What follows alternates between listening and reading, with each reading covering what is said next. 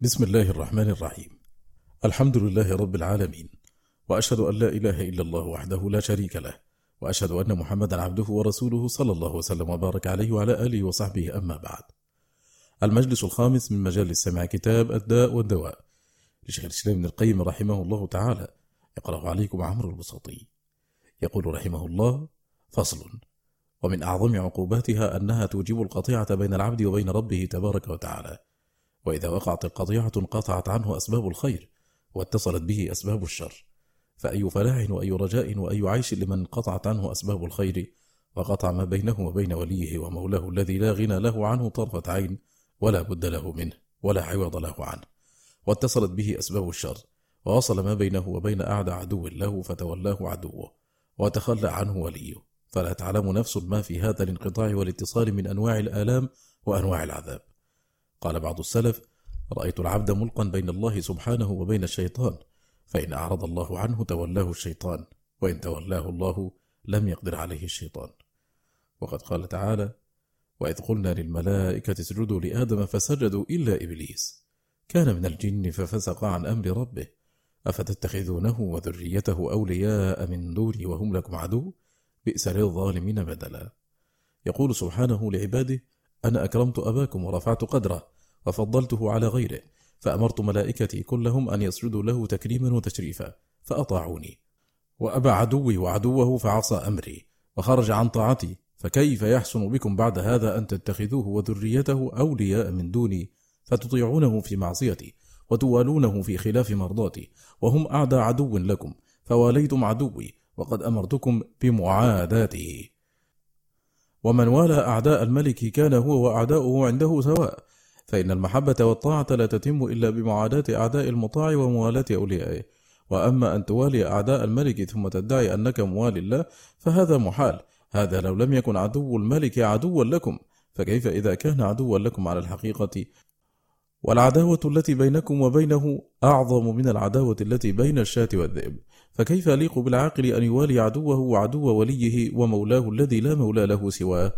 ونبه سبحانه على قبح هذه الموالاة بقوله وهم لكم عدو كما نبه على قبحها بقوله ففسق عن أمر ربه.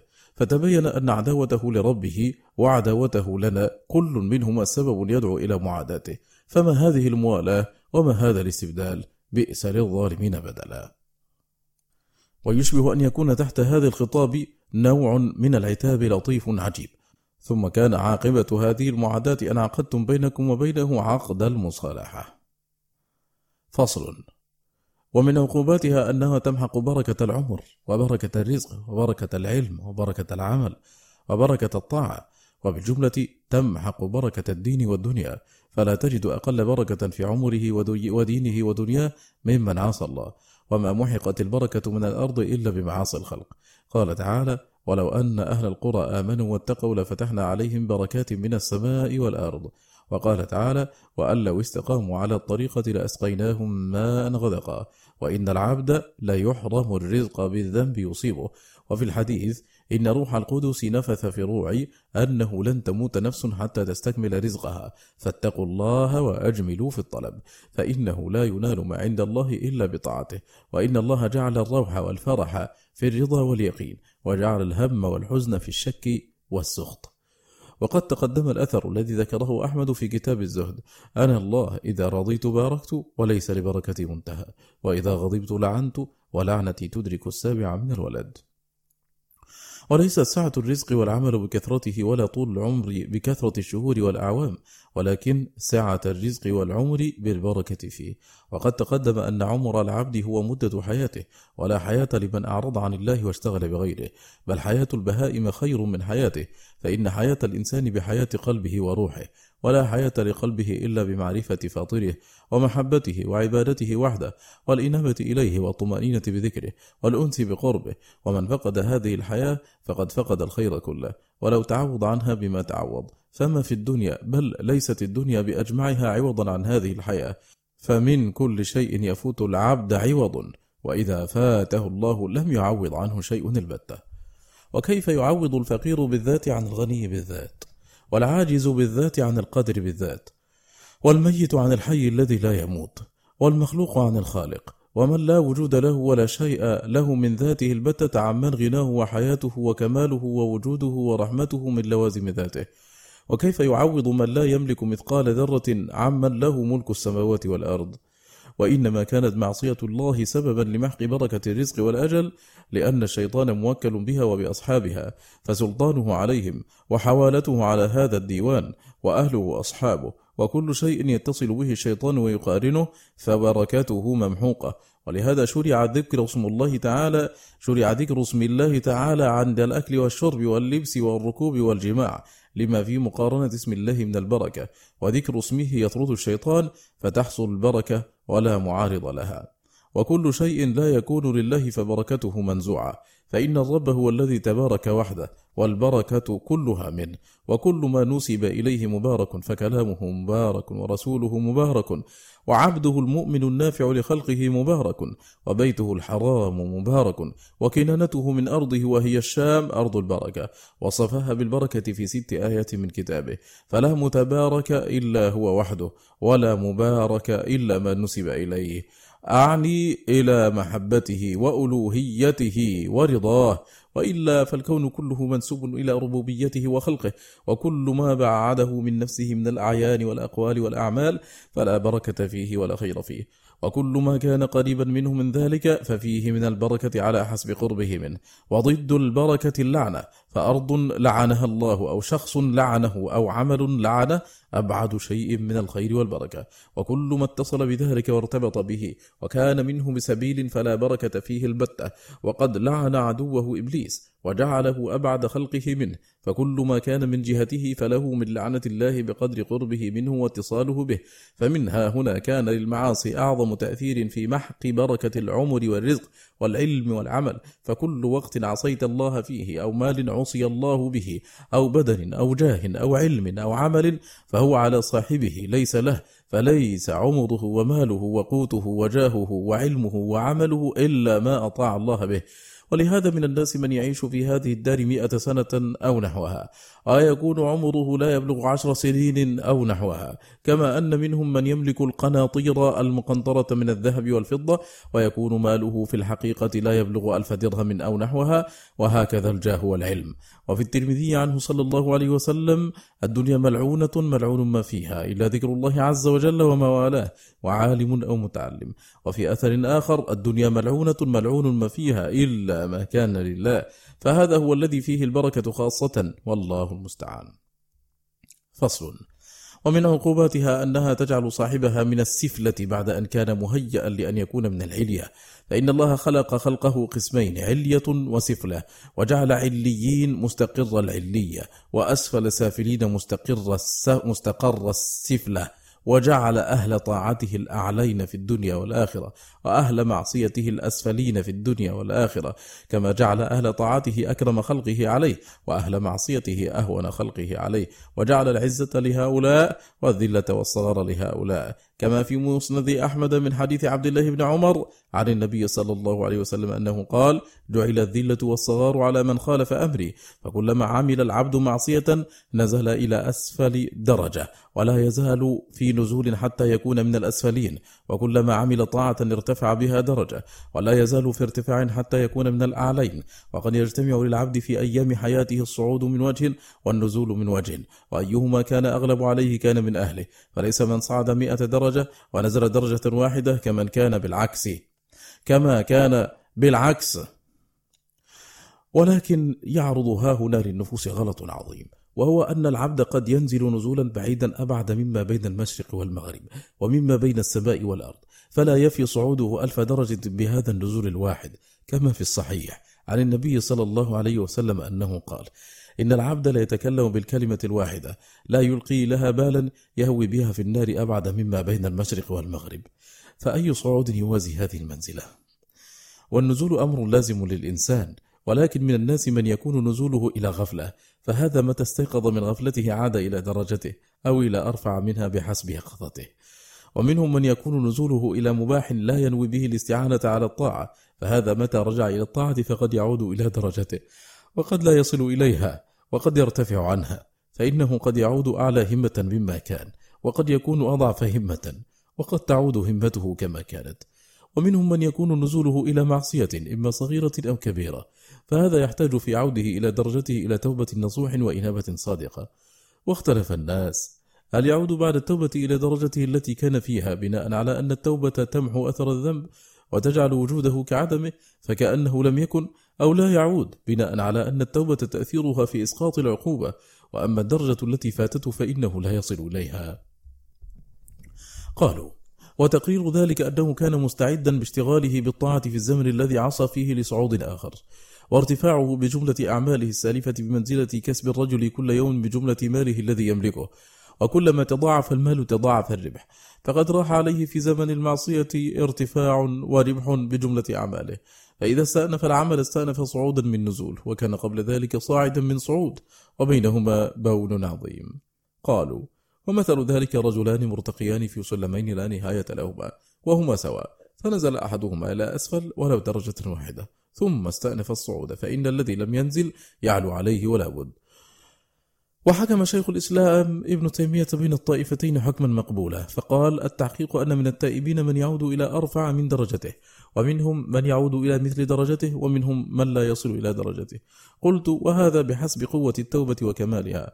وما أحدثته المعصية للعبد من الذل والخضوع والإنابة والحذر والخوف من الله والبكاء من خشيته. فقد تقوى هذه الأمور حتى يعود التائب إلى أرفع من درجته ويصير بعد التوبة خيرا منه قبل الخطيئة. فهذا قد تكون الخطيئة في حقه رحمة فإنها نفت عنه داء العجب. وخلصته من ثقته بنفسه وأعماله ووضعت خد ضراعته وذله وانكساره على عتبة باب سيده ومولاه وعرفته قدره وأشهدته فقره وضرورته إلى حفظ سيده له وإلى عفوه عنه ومغفرته له وأخرجت من قلبه صولة الطاعة وكسرت أنفه من أن يشمخ بها أو يتكبر بها أو يرى نفسه بها خيرا من غيره وأوقفته بين يدي ربه موقف الخطائين المذنبين ناكس الرأس بين يدي ربه مستحييا منه خائفا وجلا محتقرا لطاعته. مستعظما لمعصيته. قد عرف نفسه بالنقص والذم وربه منفردا بالكمال والحمد والوفاء. كما قيل استأثر الله بالوفاء وبالحمد وولى الملامة الرجل فأي نعمة وصلت من الله إليه استكثرها على نفسه؟ ورأى نفسه دونها ولم يرها أهلا لها. وأي نقمة أو بلية وصلت إليه رأى نفسه أهلا لما هو أكبر منها ورأى موله قد أحسن إليه. إذ لم يعاقبه على قدر جرمه ولا شطره ولا أدنى جزء منه. فإن ما يستحقه العبد من العقوبة لا تحمله الجبال الراسيات. فضلا عن هذا العبد الضعيف العاجز. فإن الذنب وإن صغر فإن مقابلة العظيم الذي لا شيء أعظم منه الكبير الذي لا شيء أكبر منه الكريم الذي لا أجل منه ولا أجمل المنعم بجميع أصناف النعم دقيقها وجليلها من أقبح الأمور وأفظعها وأشنعها. فإن مقابلة العظماء والأجلاء وسادات الناس بمثل ذلك يستقبحه كل أحد مؤمن وكافر. وأرذل الناس وأسقطهم مروءة من قابلهم بالرذائل. فكيف بعظيم السماوات والأرض وملك السماوات والأرض وإله أهل السماوات والأرض؟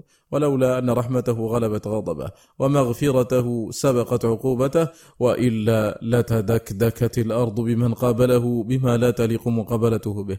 ولولا حلمه ومغفرته لزالت السماوات والأرض من معاصي العباد. قال تعالى إن الله يمسك السماوات والأرض أن تزولا ولئن زالتا إن أمسكهما من أحد من بعده إنه كان حليما غفورا. فتأمل ختم هذه الآية باسمين من أسمائه وهما الحليم الغفور. كيف تجد تحت ذلك أنه لولا حلمه عن الجناة ومغفرته للعصاة لما استقرت السماوات والأرض. وقد أخبر سبحانه عن بعض كفر عباده أنه تكاد السماوات يتفطرن منه وتنشق الأرض وتخر الجبال هدا. وقد أخرج الله سبحانه الأبوين من, من الجنة بذنب واحد ارتكباه وخالفا فيه نهيه. ولعن إبليس وطارده وأخرجه من ملكوت السماء بذنب ارتكبه وخالف فيه أمره. ونحن معاشر الحمقى كما قيل. نصل الذنوب إلى الذنوب ونرتجي. درك الجنان لدى النعيم الخالد. ولقد علمنا أخرج الأبوين من ملكوتها الأعلى بذنب واحد. والمقصود أن العبد قد يكون بعد التوبة خيرا مما كان قبل الخطيئة وأرفع درجة. وقد تضعف الخطيئة همته وتوهن عزمه وتمرض قلبه. فلا يقوى دواء التوبة على إعادته إلى الصحة الأولى. فلا يعود إلى درجته. وقد يزول المرض بحيث تعود الصحة كما كانت. ويعود إلى مثل عمله. فيعود إلى درجته. هذا كله إذا كان نزوله إلى معصية. فإن كان نزوله إلى أمر يقدح في أصل الإيمان مثل الشكوك والريب والنفاق فذاك نزول لا يرجى لصاحبه صعود إلا بتجديد إسلامه من رأس. فصل. ومن عقوباتها أنها تجرئ على العبد من لم يكن يجترئ عليه من أصناف المخلوقات فيجترئ عليه الشياطين بالأذى والإغواء والوسوسة والتخويف والتحزين. وإنسائه ما مصلحته في ذكره ومضرته في نسيانه. فتجترئ عليه الشياطين حتى تؤزه إلى معصية الله أزا ويجترئ عليه شياطين الإنس بما تقدر عليه من أذاه في غيبته وحضوره. ويجترئ عليه أهله وخدمه وخدمه وأولاده وجيرانه حتى الحيوان البهيم. قال بعض السلف إني لأعصي الله فأعرف ذلك في خلق امرأتي ودابتي. وكذلك يجترئ عليه أولياء الأمر بالعقوبة التي إن عدلوا فيها أقاموا عليه حدود الله. وكذلك تجترئ عليه نفسه فتتأسد عليه وتستصعب عليه. فلو أرادها لخير لم تطاوعه ولم تنقد له وتسوقه إلى ما فيه هلاكه شاء أم أبى. وذلك لأن الطاعة حصن الرب تبارك وتعالى الذي من دخله كان من الآمنين. فإذا فارق الحصن اجترأ عليه قطاع الطريق وغيرهم وعلى حسب اجترائه على معاصي الله يكون اجتراء هذه الآفات والنفوس عليه وليس له شيء يرد عنه. فإن ذكر فإن ذكر الله وطاعته والصدقة وإرشاد الجاهل والأمر بالمعروف والنهي عن المنكر وقاية ترد عن العبد بمنزلة القوة التي ترد المرض وتقاومه. فإذا سقطت القوة غلب وارد المرض فكان الهلاك. فلا بد للعبد من شيء يرد عنه فإن موجب السيئات والحسنات يتدافع ويكون الحكم للغالب كما تقدم. وكلما قوي جانب الحسنات كان الرد أقوى. فإن الله يدافع عن الذين آمنوا والإيمان قول وعمل فبحسب قوة الإيمان يكون الدافع والله المستعان. فصل. ومن عقوباتها أنها تخون العبد أحوج ما يكون إلى نفسه. فإن كل أحد محتاج إلى معرفة ما ينفعه وما يضره في معاشه ومعاده. وأعلم الناس أعرفهم بذلك على التفصيل. وأقواهم وأكياسهم من قوي على نفسه وإرادته فاستعملها فيما ينفعه وكفها عما يضره. وفي ذلك تفاوتت معارف الناس وهممهم ومنازلهم. فأعرفهم من كان عارفا بأسباب السعادة والشقاوة وأرشدهم من آثر هذه على هذه كما أن أسفههم من عكس الأمر.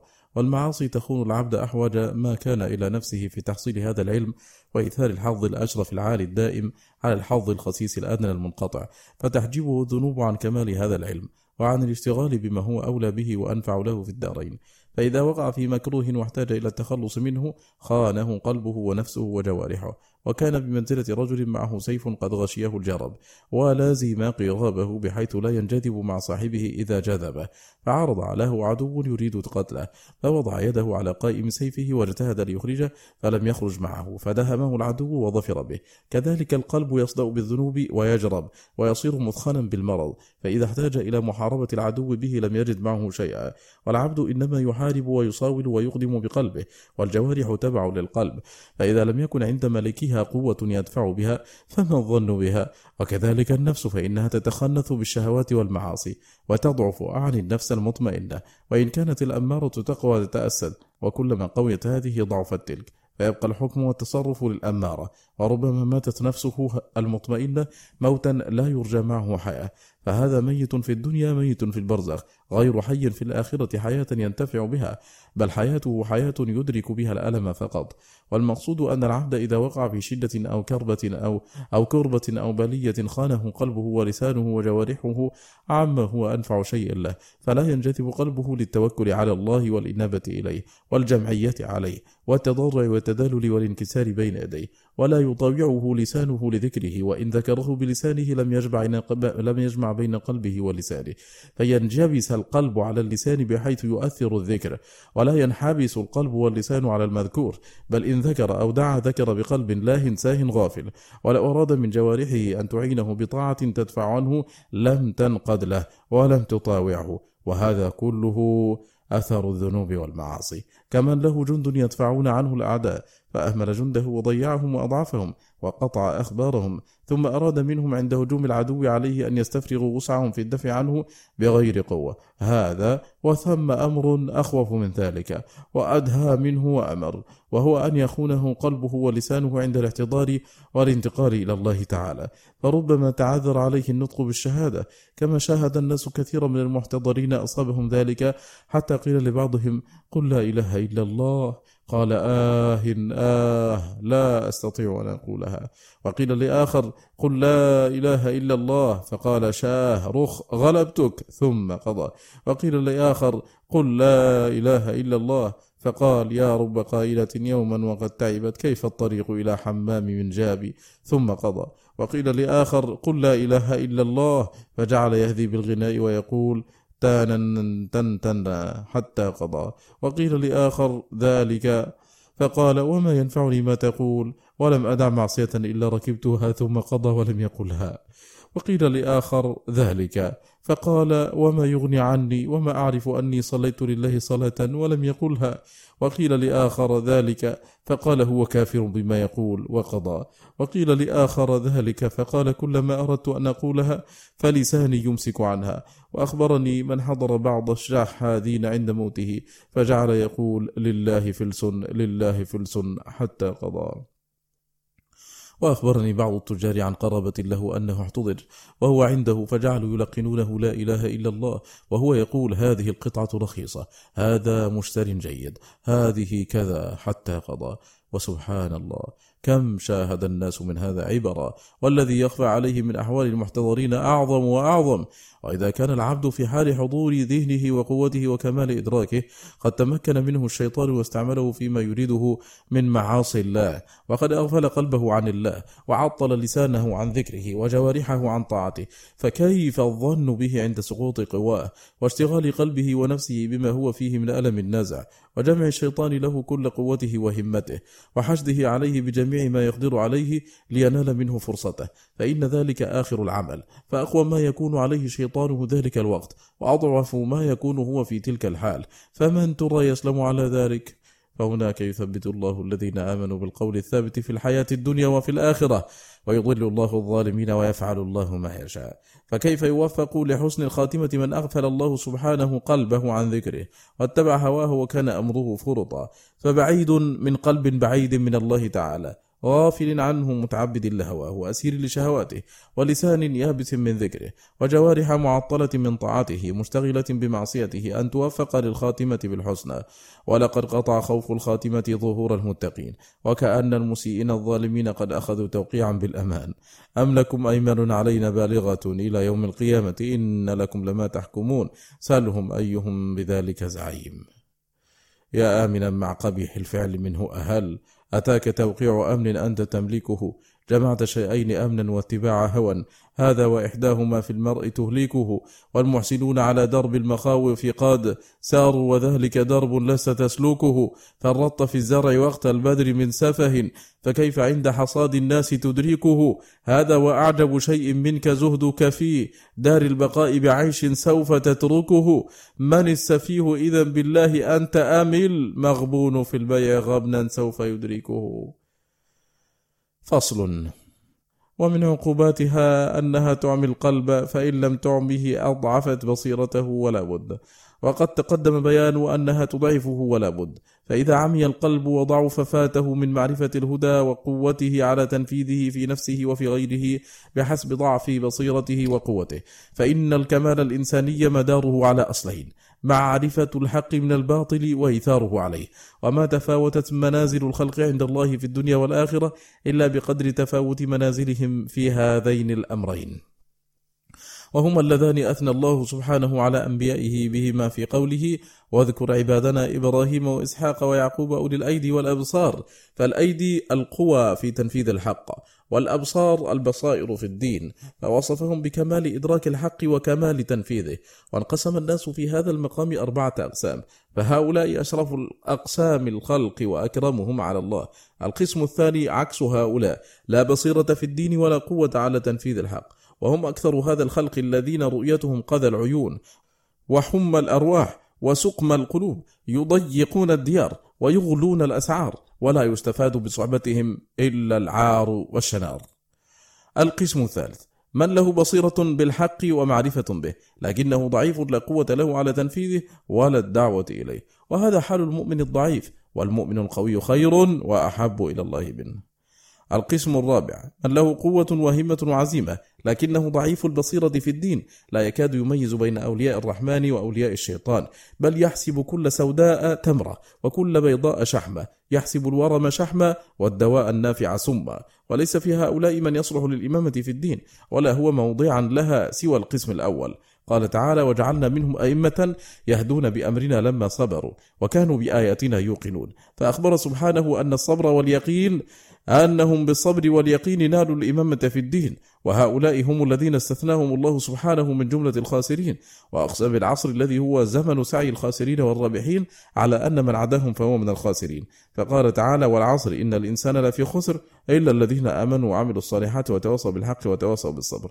فلم يكتفي منهم بمعرفة الحق والصبر عليه حتى يوصي بعضهم بعضا به ويرشده إليه ويحضه عليه. وإذا كان من عدا هؤلاء خاسرا فمعلوم أن المعاصي والذنوب تعمي بصيرة القلب فلا يدرك الحق كما ينبغي وتضعف قوته وعزيمته فلا يصبر عليه بل قد تتوارد على القلب بل قد تتوارد على القلب حين ينعكس إدراكه كما ينعكس سيره. فيترك الباطل حقا والحق باطلا والمعروف منكرا والمنكر معروفا. فينتكس في سيره ويرجع عن سفره إلى الله والدار الآخرة إلى سفره إلى مستقر النفوس المبطلة التي رضيت بالحياة الدنيا واطمأنت بها وغفلت عن الله وآياته وتركت الاستعداد للقائه. ولو لم يكن في عقوبة الذنوب إلا هذه العقوبة وحدها لكانت كافية داعية إلى تركها والبعد منها. والله المستعان.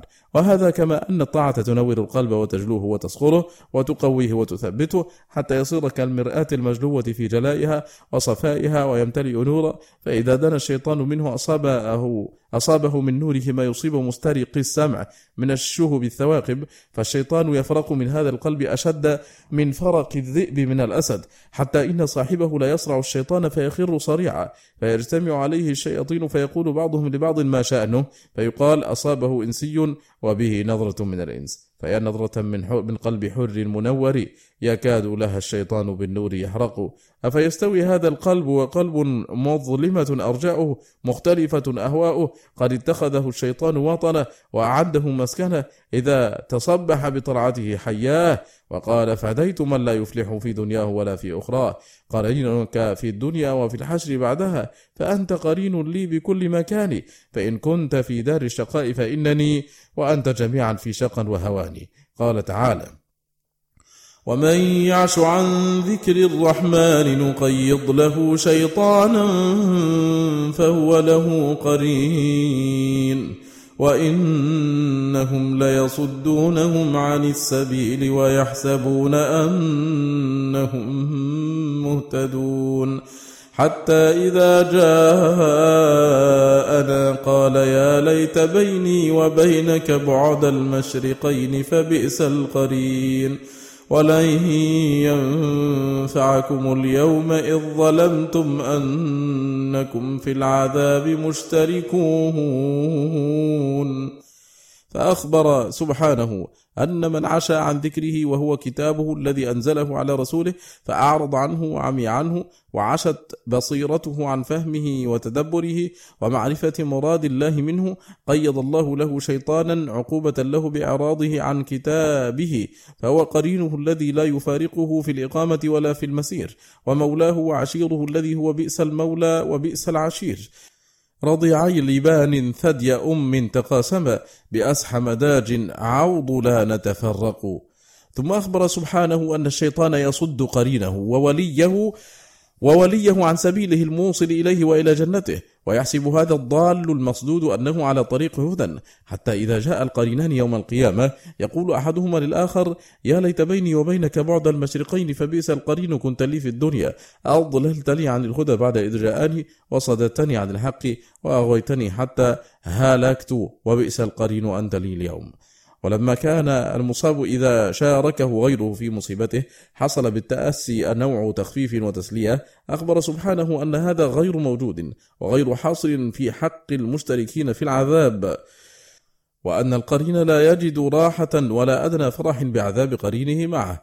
وإن كانت المصائب في الدنيا إذا عمت صارت مسلاة كما قالت الخنساء في أخيها صخر فلولا كثرة الباكين حولي على إخوانهم لقتلت نفسي وما يكون مثل أخي ولكن وعزي النفس عنه بالتأسي فمنع الله سبحانه هذا القدر من الراحة عن أهل النار. فقال ولن ينفعكم اليوم إذ ظلمتم أنكم في العذاب مشتركون. فصل. ومن عقوباتها أنها مدد من الإنسان يمد به عدوه عليه وجيش يقويه به على حربه. وذلك أن الله سبحانه ابتلى هذا الإنسان بعدو لا يفارقه طرفة عين ينام ولا ينام عنه ويغفل ولا يغفل عنه. يراه هو وقبيله من حيث لا يراه. يبذل جهده في معاداته في كل حال. ولا يدع أمرا يكيده به يقدر على إيصاله إليه إلا أوصله. ويستعين عليه ببني أبيه من شياطين الجن وغيرهم من شياطين الإنس. قد نصب له الحبائل وبغاه الغوائل ومد حوله الأشراك ونصب له الفخاخ والشباك. وقال لأعوانه دونكم عدوكم وعدو أبيكم لا يفوتنكم. ولا يكن حظه الجنة وحظكم النار ونصيبه الرحمة ونصيبكم اللعنة. وقد علمتم أن ما جرى علي وعليكم من الخزي واللعن والإبعاد من رحمة الله فبسببه ومن أجله فابذلوا جهدكم أن يكونوا شركاءنا في هذه البلية إذ قد فاتنا شركة صالحيهم في الجنة. وقد أعلمنا سبحانه بذلك كله من عدونا وأمرنا أن نأخذ له أهبته ونعد له عدته.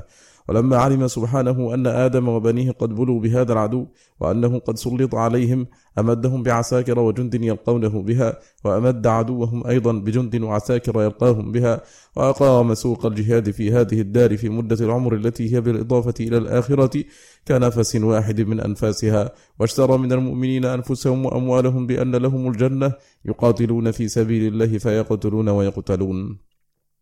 وأخبر أن ذلك وعد مؤكد عليه في أشرف كتبه وهي التوراة والإنجيل والقرآن. ثم أخبر أنه لا أوفى بعهده منه سبحانه. ثم أمرهم أن يستبشروا بهذه الصفقة التي من أراد أن يعرف قدرها فلينظر إلى المشتري من هو وإلى الثمن المبذول في هذه السلعة وإلى من جرى على يديه هذا العقد. فأي فوز أعظم من هذا وأي تجارة أربح من هذا. ثم أكد سبحانه معهم هذا الأمر بقوله يا أيها الذين آمنوا هل أدلكم على تجارة تنجيكم من عذاب أليم؟ تؤمنون بالله ورسوله وتجاهدون في سبيل الله بأموالكم وأنفسكم. ذلكم خير لكم إن كنتم تعلمون. يغفر لكم ذنوبكم ويدخلكم جنات تجري من تحتها الأنهار ومساكن طيبة في جنات عدن. ذلك الفوز العظيم.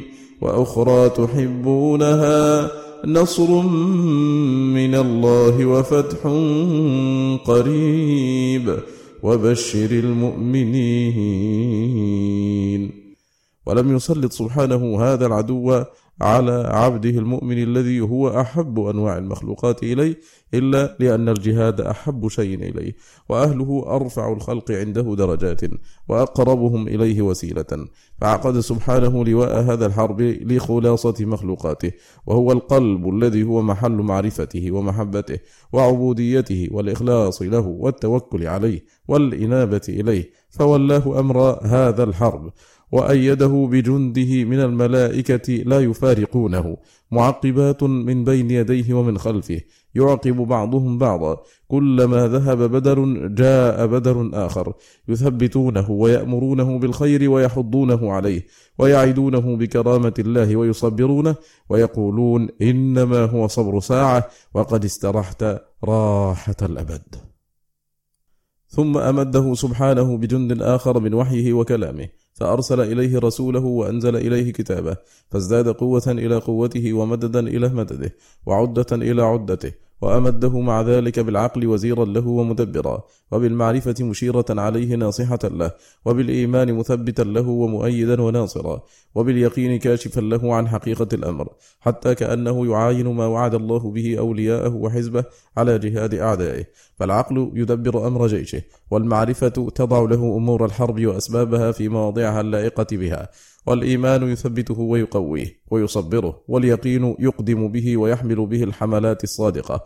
ثم أمد سبحانه القائم بهذا الحرب بالقوة الظاهرة والباطنة فجعل العين طليعته والأذن صاحب خبره واللسان ترجمانه واليدين والرجلين أعوانه. وأقام ملائكته وحملة عرشه يستغفرون له ويسألون له أن يقيه السيئات ويدخله الجنات وتولى سبحانه الدفع والدفاع عنه بنفسه. وقال هؤلاء حزبي وحزب الله هم المفلحون. وهؤلاء جندي وهؤلاء جندي وإن جندنا لهم الغالبون. وعلم عباده كيفية هذا الحرب والجهاد فجمعها لهم في أربع كلمات فقال يا أيها الذين آمنوا اصبروا وصابروا ورابطوا واتقوا الله لعلكم تفلحون. ولا يتم أمر هذا الجهاد إلا بهذه الأمور الأربعة. فلا يتم له الصبر إلا بمصابرة العدو وهي مواقفته ومنازلته. فإذا صابر عدوه احتاج إلى أمر آخر وهو المرابطة وهي لزوم ثغر القلب وحراسته لئلا يدخل منه العدو ولزوم ثغر العين والأذن واللسان والبطن واليد والرجل. فهذه الثغور منها يدخل العدو فيجوس خلال الديار ويفسد ما قدر عليه فالمرابطة لزوم هذه الثغور ولا يخلي مكانها فيصادف العدو الثغر خاليا فيدخل منه. فهؤلاء أصحاب رسول الله صلى الله عليه وسلم. خير الخلق بعد النبيين والمرسلين. وأعظمهم حماية وحراسة من الشيطان. وقد أخلوا المكان الذي أمروا بلزومه يوم أحد. فدخل منه العدو فكان ما كان. وجماع هذه الثلاثة وعمودها الذي تقوم به هو تقوى الله. فلا ينفع الصبر ولا المصابرة ولا المرابطة إلا بالتقوى. ولا تقوم التقوى إلا على ساق الصبر. فانظر الآن فيك إلى التقاء الجيشين واصطفاف العسكرين. وكيف تدال مرة ويدال عليك أخرى. أقبل ملك الكفر بجنوده وعساكره فوجد القلب في حصنه جالسا على كرسي مملكته أمره نافذ في أعوانه وجنده قد حفوا به يقاتلون عنه ويدافعون عن حوزته فلم يمكنه الهجوم عليه إلا بمخابرة بعض أمرائه وجنده عليه.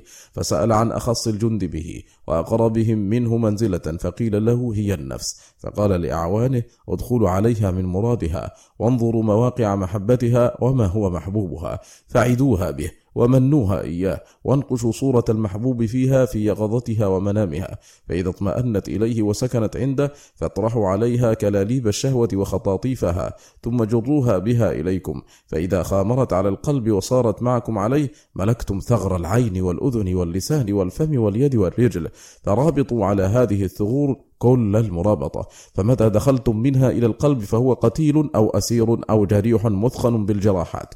ولا تخلوا هذه الثغور ولا تمكنوا سرية تدخل منها إلى القلب فتخرجكم منها. وإن غلبتم فاجتهدوا في إضعاف السرية ووهنها حتى لا تصل إلى القلب وإن وصلت إليه ضعيفة لا تغني عنه شيئا. فإذا استوليتم على هذه الثغور فامنعوا ثغر العين أن يكون نظره اعتبارا بل اجعلوا نظره تفرجا واستحسانا وتلهيا. فإن استرق نظرة عبرة فأفسدوها عليه بنظر الغفلة والاستحسان والشهوة فإنه أقرب إليه وأعلق بنفسه. وأخف عليه ودونكم ثغر العين. فإن منه تنالون بغيتكم. فإني ما أفسدت بني آدم بشيء مثل النظر. فإني أبذر به في القلب بدر الشهوة. ثم أسقيه بماء الأمنية. ثم لا أزال أعده وأمنيه حتى أقوي عزيمته وأقوده بزمام الشهوة إلى الانخلاع من العصمة. فلا تهملوا أمر هذا الثغر وأفسدوه بحسب استطاعتكم وهونوا عليه أمره وقولوا له ما مقدار نظرة تدعوك إلى تسبيح الخالق والتأمل لبديع صنعته لبديع صنعته وحسن هذه الصورة التي إنما خلقت ليستدل بها الناظر عليه. وما خلق الله لك العينين سدى وما خلق هذه الصورة ليحجبها عن النظر. وإن ظفرتم به قليل العلم فاسد العقل فقولوا هذه الصورة مظهر من مظاهر الحق ومجلا من مجاليه. فادعوه إلى القول بالاتحاد فإن لم يقبل فالقول بالحلول العام أو الخاص. ولا تقنعوا منه بدون ذلك فإنه يصير به من إخوان النصارى. فأمروه حينئذ بالعفة والصيانة والعبادة والزهد في الدنيا. واصطادوا عليه الجهال. فهذا من أقرب خلفائي وأكبر جندي بل أنا من جنده وأعوانه. فصل. ثم امنعوا ثغر الأذن أن يدخل منه ما يفسد عليكم الأمر. فاجتهدوا ألا تدخلوا منه إلا الباطل فإنه خفيف على النفس تستحليه وتستملحه. وتخيروا له أعذب الألفاظ وأسحرها للألباب وامزجوه بما تهوى النفوس مزجا وألقوا الكلمة فإن رأيتم منه إصغاء إليها فزجوه بأخواتها. وكلما صادفتم منه استحسان شيء فالهجوا له بذكره. وإياكم أن يدخل من هذا الثغر شيء من كلام الله أو كلام رسوله صلى الله عليه وسلم أو كلام النصحاء. فإن غلبت غلبتم على ذلك فإن غلبتم على ذلك ودخل من ذلك شيء فحولوا بينه وبين فهمه وتدبره والتفكر فيه والعظة به إما بإدخال ضده عليه وإما بتهويل ذلك وتعظيمه وأن هذا أمر قد حيل بين النفوس وبينه فلا سبيل لها إليه وهو حمل ثقيل عليها لا تستقل به ونحو ذلك. وأما وإما بإرخاصه على النفوس وأن الاشتغال ينبغي أن يكون أهم بما هو أعلى عند الناس وأعز عليهم وأغرب عندهم وزبونه القابلون له أكثر وأما الحق فهو مهجور وقابله معرض نفسه للعداوة والرائج بين الناس أولى بالإيثار فنحو ذلك فيدخلون الباطل عليه في كل قالب يقبله ويخف عليه ويخرجون له الحق في كل قالب يكرهه ويثقل عليه.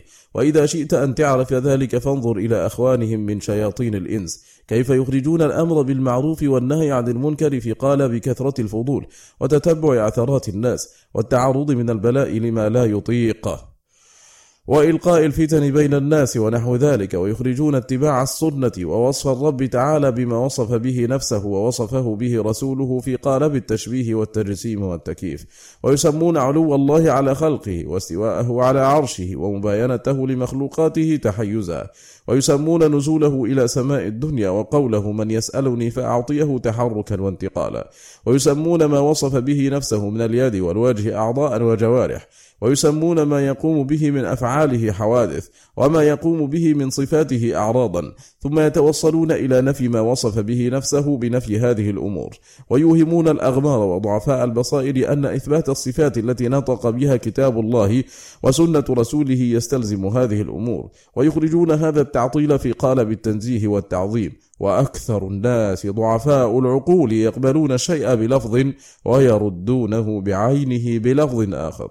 قال تعالى وكذلك جعلنا لكل نبي عدوا شياطين الإنس والجن يوحي بعضهم إلى بعض زخرف القول غرورا فسماه زخرفا وهو باطل لأن صاحبه يزخرفه ويزينه ما استطاع ويلقيه إلى سمع المغرور فيغتر به والمقصود أن الشيطان قد لزم ثغر الأذن يدخل فيها ما يضر العبد ولا ينفعه ويمنع أن يدخل إليها ما ينفعه وإن دخل بغير اختياره أفسده عليه. فصل ثم يقول قوموا على ثغر اللسان فإنه الثغر الأعظم وهو قبالة الملك. فأجروا عليه من الكلام ما يضره ولا ينفعه. وامنعوه أن يجري عليه شيء مما ينفعه من ذكر الله تعالى واستغفاره وتلاوة كتابه ونصيحة عباده أو التكلم بالعلم النافع. ويكون لكم في هذا الثغر أمران عظيمان لا تبالون بأيهما ظفرتم.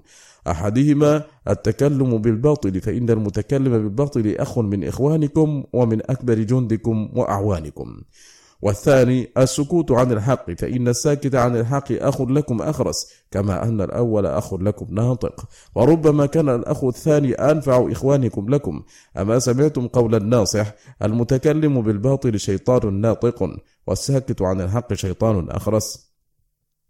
فالرباط الرباط على هذا الثغر أن يتكلم بحق. أو يمسك عن باطل. وزينوا له التكلم بالباطل بكل طريق. وخوفوه من التكلم بالحق بكل طريق. واعلموا يا بني أن ثغر اللسان هو الذي أهلك منه بني آدم. وأكبهم منه على مناخرهم في النار. فكم لي من قتيل وأسير وجريح أخذته من هذا الثغر. وأوصيكم بوصية فاحفظوها. لينطق أحدكم على لسان أخيه من الإنس بالكلمة ويكون الآخر على لسان السامع فينطق باستحسانها وتعظيمها والتعجب منها ويطلب من أخيه إعادتها. وكونوا أعوانا على الإنس بكل طريق وادخلوا عليهم من كل باب واقعدوا لهم كل مرصد. أما سمعتم قسم الذي أقسمت به لربهم حيث قلت فبما أغويتني لأقعدن لهم صراطك المستقيم ثم لآتينهم من بين أيديهم ومن خلفهم وعن أيمانهم وعن شمائلهم ولا تجد أكثرهم شاكرين. أو ما تروني قد قعدت لابن آدم بطرقه كلها فلا يفوتني من طريق إلا قعدت له بطريق غيره حتى أصيب منه حاجتي أو بعضها وقد حذرهم ذلك رسولهم فقال إن الشيطان قد قعد لابن آدم بطرقه كلها فقعد له بطريق الإسلام فقال أتسلم وتذر دينك ودين آبائك؟ فخالفه وأسلم. فقعد له بطريق الهجرة فقال أتهاجر وتذر أرضك وسماءك؟ فخالفه وهاجر. فقعد له بطريق الجهاد فقال تجاهد فتقتل فيقسم المال وتنكح الزوجة فهكذا فاقعدوا لهم بكل طريق طرق الخير. فإذا أراد أحدهم أن يتصدق فاقعدوا له على طريق الصدقة. وقولوا له في نفسه أتخرج المال؟ فتبقى مثل هذا السائل وتصير بمنزلته أنت وهو سواء؟ أو ما سمعتم ما ألقيت على لسان رجل سأله آخر أن يتصدق عليه وقال هي أموالنا إن أعطيناكموها صرنا مثلكم. واقعدوا له بطريق الحج فقولوا طريقه مخوفة وشقة يتعرض سالكها لتلف النفس والمال. وهكذا فاقعدوا له على سائر طرق الخير بالتنفير منها وذكر صعوباتها وآفاتها. ثم اقعدوا على طرق المعاصي فحسنوها في أعين بني آدم وزينوها في قلوبهم واجعلوا أكبر أعوانكم على ذلك النساء. فمن أبوابهن فادخلوا عليهم فنعم العون هن لكم. ثم الزموا ثغر اليدين والرجلين. فامنعوها أن تبطش بما يضركم أو تمشي فيه. واعلموا أن أكبر عونكم على لزوم هذه الثغور مصالحة النفس الأمارة. فأعينوها واستعينوا بها وأمدوها واستمدوا منها وكونوا معها على حرب النفس المطمئنة فاجتهدوا في كسرها وإبطال قواها ولا سبيل إلى ذلك إلا بقطع موادها عنها. فإذا انقطعت موادها وقويت مواد النفس الأمارة وأطاعت لكم أعوانها فاستنزلوا القلب من حصنه واعزلوه عن مملكته وولوا مكانه النفس فإنها لا تأمر إلا بما تهوونه وتحبونه ولا تجيئكم بما تكرهونه البته مع أنها لا تخالفكم في شيء تشيرون به عليها بل إذا أشرتم عليها بشيء بادرت إلى فعله. فإن أحسستم من القلب منازعة إلى مملكته وأردتم الأمن من ذلك فعقدوا بينه وبين النفس عقد النكاح فزينوها وجملوها وأروها إياه في أحسن صورة عروس توجد وقولوا له ذق طعم هذا الوصال والتمتع بهذا العروس كما ذقت طعم الحرب. وباشرت مرارة الطعن والضرب ثم وازن بين لذة هذه المسالمة ومرارة تلك المحاربة. فدع الحرب تضع أوزارها. فليست بيوم وينقضي وإنما هو حرب متصل بالموت. وقواك تضعف عن حراب دائم. واستعينوا يا بني بجندين عظيمين لن تغلبوا معهما. أحدهما أحدهما جند الغفلة فأغفلوا قلوب بني آدم عن الله والدار الآخرة بكل طريق. فليس لكم شيء أبلغ في تحصيل غرضكم من ذلك فإن القلب إذا غفل عن الله تمكنتم منه ومن أعوانه. والثاني جند الشهوات فزينوها في قلوبهم وحسنوها في أعينهم. وصولوا عليهم بهذين العسكرين فليس لكم في بني آدم أبلغ منهما. واستعينوا على الغفلة بالشهوات وعلى الشهوات بالغفلة. وقرنوا بين الغافلين ثم استعينوا بهما على الذاكر. ولا يغلب واحد خمسة فإن مع الغافلين شيطانين صاروا أربعة وشيطان الذاكر معهم. وإذا رأيتم جماعة مجتمعين على ما يضركم من ذكر الله أو مذاكرة أمره ونهيه ودينه ولم تقدروا على تفريقهم فاستعينوا عليهم ببني جنسهم من الإنس البطالين فقربوهم منهم وشوشوا عليهم بهم. وبالجملة فأعدوا للأمور أقرانها. وادخلوا على كل واحد من بني آدم من باب إرادته وشهوته فساعدوه عليها وكونوا عونا له على تحصيلها. وإذا كان الله قد أمرهم أن يصبروا لكم ويصابروكم ويرابطوا عليكم الثغور فاصبروا أنتم وصابروا. ورابطوا عليهم الثغور وانتهزوا فرصكم فيهم عند الشهوة والغضب فلا تصطادون بني آدم في أعظم من هذين الموطنين. واعلموا أن منهم من يكون سلطان الشهوة عليه أغلب وسلطان غضبه ضعيف مقهور فخذوا عليه طريق الشهوة ودعوا طريق الغضب. ومنهم من يكون سلطان الغضب عليه أغلب فلا تخلوا طريق الشهوة عليه ولا تعطلوا ثغرها. فإن من لم يملك نفسه عند الغضب فإنه بالحري أن لا يملكها عند الشهوة.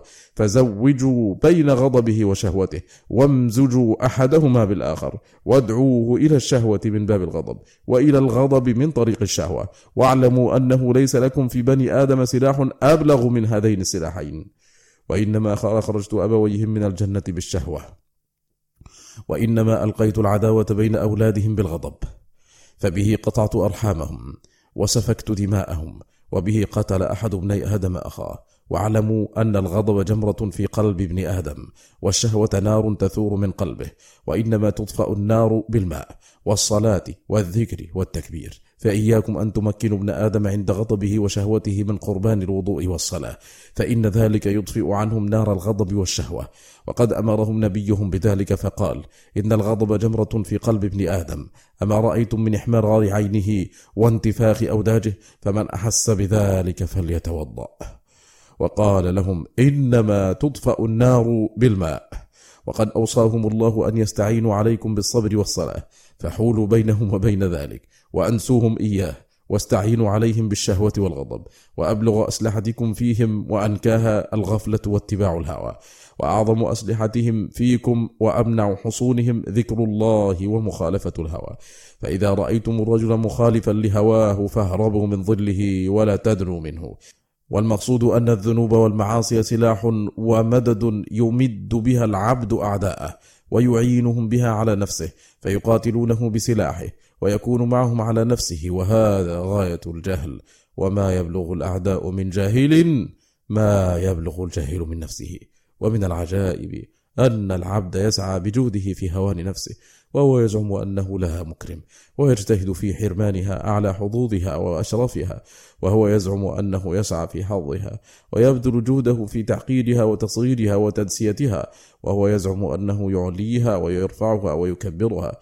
وكان بعض السلف يقول في خطبته ألا رب مهين لنفسه وهو يزعم أنه لها مكرم ومذل لنفسه وهو يزعم أنه لها معز ومصغر لنفسه وهو يزعم أنه لها مكبر ومضيع لنفسه وهو يزعم أنه مراع لحقها وكفى بالمرء جهلا أن يكون مع عدوه على نفسه يبلغ منها بفعله ما لا يبلغه عدوه.